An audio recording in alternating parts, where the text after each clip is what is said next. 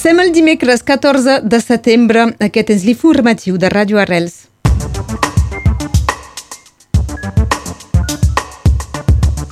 Es preveuen pertorbacions a la circulació de trens avui per una vaga de conductors.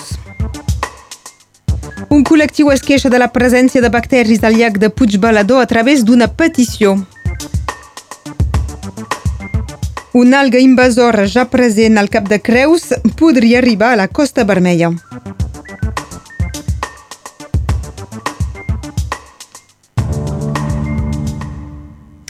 Vaga de trens aquest dimecres a Catalunya Nord. Totes les línies de TER i el tren groc estan afectades. Es tracta d'una vaga dels conductors de TER de la regió per demanar més personal.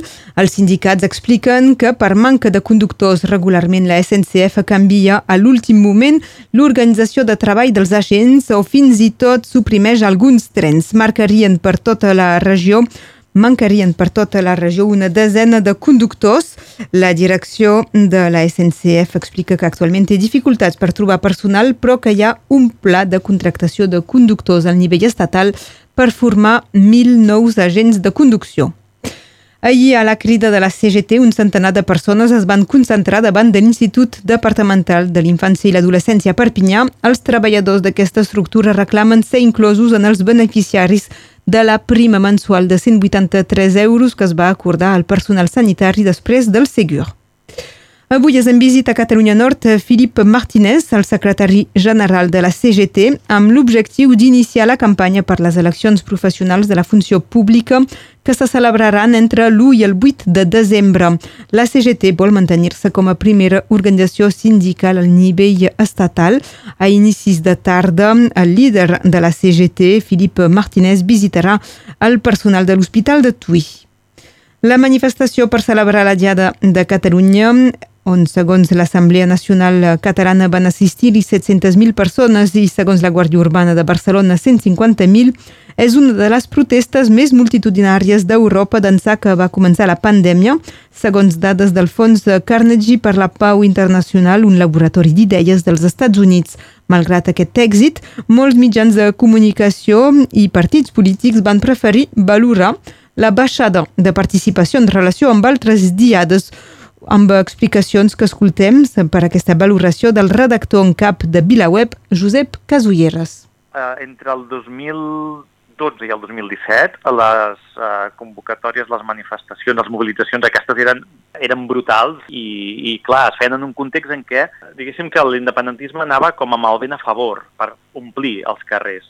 Ara, malgrat que el vent eh, és en contra, eh, malgrat tots aquests eh, factors adversos i que el context és molt diferent i molt marcat també per la repressió i, mal, i, i per aquesta, eh, aquest enfrontament entre, els, eh, eh, entre les direccions dels principals partits independentistes i aquest bloqueig sobre l'estratègia independentista, tot això són elements que fan bufar en contra el, el, el vent, en contra de, de la capacitat de mobilització de l'independentisme. I, per tant, que aquesta manifestació fos tan multitudinària és tot un èxit. És evident que no hi havia tanta gent com la del 2014 o com la del 2015 a la Meridiana o com la del mateix 2017 a Passeig de Gràcia. Eh, és, això, és veritat que no hi havia tanta gent com en, en aquelles precedents, però, però per, per aquests factors de context també tan diferents. No? Per tant, jo crec que eh, vol dir moltes coses que l'independentisme eh, sigui capaç encara de mobilitzar-se malgrat tots aquests elements adversos. Eren les paraules del Josep Casulleres, redactor en cap de VilaWeb. La presidenta de l'Assemblea Nacional Catalana, Dolors Feliu, demana que la declaració d'independència de Catalunya es faci efectiva en el segon semestre del 2023, coincidint amb la presidència d'Espanya del Consell d'Europa. Feliu ha fet aquesta proposta al curs de la reunió que el president de la Generalitat, Pere Aragonès, havia convocat ahir amb l'ANC, Òmnium Cultural i l'Associació de Municipis per l'Independència després de l'èxit l'èxit de la manifestació de la Diada. El govern català ha respost que, malgrat compartir objectius, consideren que ara mateix només hi ha una estratègia definida, és a dir, la taula de diàleg, que assegura que és la proposta avalada per les urnes, que és la que reclama la comunitat internacional i que representa el 80% de la societat catalana. Des del govern català es descarta convocar eleccions anticipades. Els ramaders del Capcí no poden fer més pasturar els seus animals a les zones que vorregen el barratge de Puigbalador en causa cianobacteris presents dins l'aigua. El col·lectiu Cerdanya Capcí denuncia una manca d'eficàcia de les depuradores, tampoc entén que cap contaminador hagi estat multat per les autoritats i demana la suspensió de totes les llicències d'obres a tots els municipis en els quals les aigües residuals no depurades siguin abocades al llac de Puigbalador. El col·lectiu Cerdanya Capcí ha iniciat una petició sobre change.org amb el titular SOS Lac de Puigbalador detectat una nova alga invasora al cap de Creus, una alga que es podria fàcilment estendre en aigües de la Costa Vermella. Es tracta de la Chrysonephos livisi, nativa de l'Atlàntic Occidental i el Carib, molt poc comuna que fins ara només havia aparegut en zones d'Itàlia i l'illa de Còrsega. L'espècie és present entre 3 i 30 metres de fundària i és especialment abundant a 20 metres de profunditat, on cobreix més del 50% del fons marí de la zona. Els investigadors expliquen que es tracta d'una espècie oportunista de ràpid creixement, però que previsiblement reduirà la seva cobertura durant les pròximes setmanes amb l'arribada de la tardor.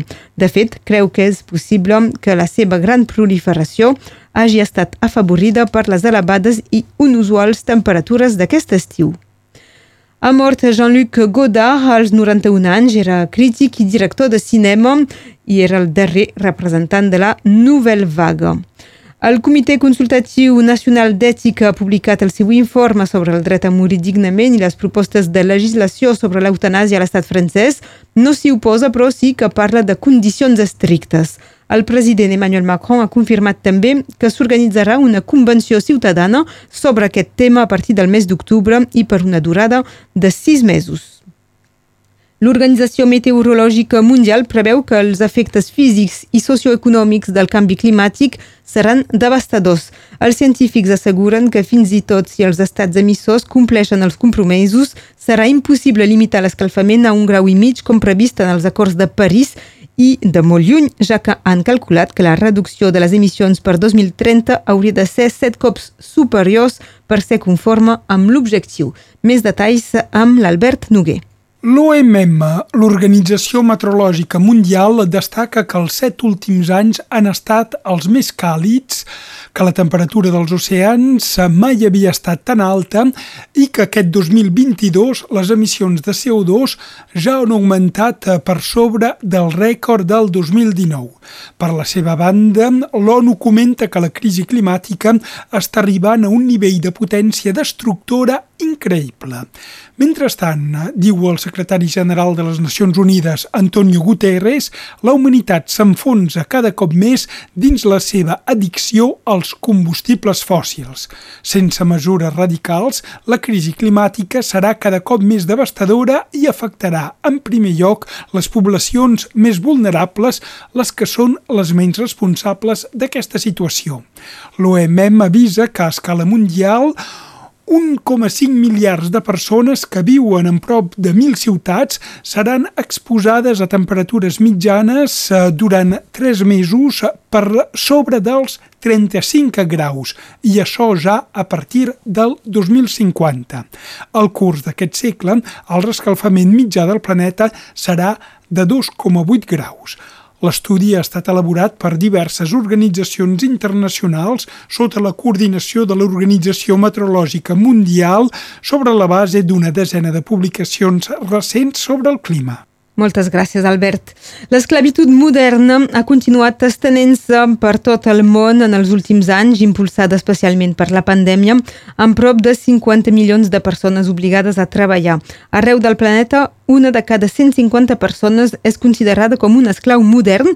El fenomen està en augment segons l'Organització Mundial Internacional del Treball, amb 10 milions de persones de més que fa 5 anys totes les regions del món són afectades, inclosa Europa. Passem als esports i al futbol. Ahir el Barça va perdre 2 a 0 al camp del Bayern de Múnich. Els blaugranes, tot i haver dominat la primera part, no van aconseguir marcar en cap de les nombroses ocasions que van tenir. Els gols alemanys van arribar a l'inici de la segona part. A la classificació del grup de la Lliga de Campions, els bavaresos són líders amb 6 punts, seguits del Barça segon amb 3 punts, els mateixos que l'Inter de Milà, i quart i cué del grup, el Victoria Pilsen txec, amb 0 punts. En rugby a 13, del 2 al 10 de novembre, se jugarà la Copa del Món Femenina. Ahir es va publicar la llista de les 24 seleccionades per l'equip de França i s'hi compta 11 jugadores del club de les deesses catalanes, la secció femenina dels dracs.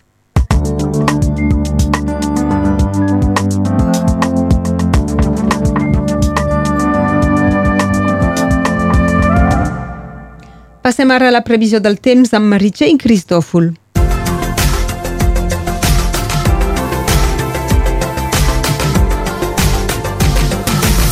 Bon dia. Aquest matí tenim un cel velat sobre la major part del país amb possibles pluges disperses cap a Cerdanya. Amb el pas de les hores, la nuvolositat hauria de disminuir deixant entrar una mica el sol. Encara una sensació de xafogó. Les temperatures màximes són bastant altes per la temporada. 32 graus a Toluges i Perpinyà, 31 a 20 graus, 30 graus a Port Vendres, 29 graus a Canet, 28 a la Bastida i a Cunat, 27 graus a Arles, 21 a Nauja, 20 graus a Mantet, 18 a Targazona i 16 graus a Porter. Aquesta nit el sol se pondrà a les 8, perdrem un minut de llum del dia, Celebrem avui l'exaltació de la Santa Creu, Santa Caterina de Gènova, Sant Esteve i Sant Víctor. El 14 de setembre del 1810 derroten a la Bisbal d'Empordà les tropes napoleòniques. El mateix dia del 1909, Teodor Llorente és coronat poeta oficial de València durant l'exposició regional valenciana i acabarem amb el refrany del dia Bon temps pel setembre, millor pel desembre.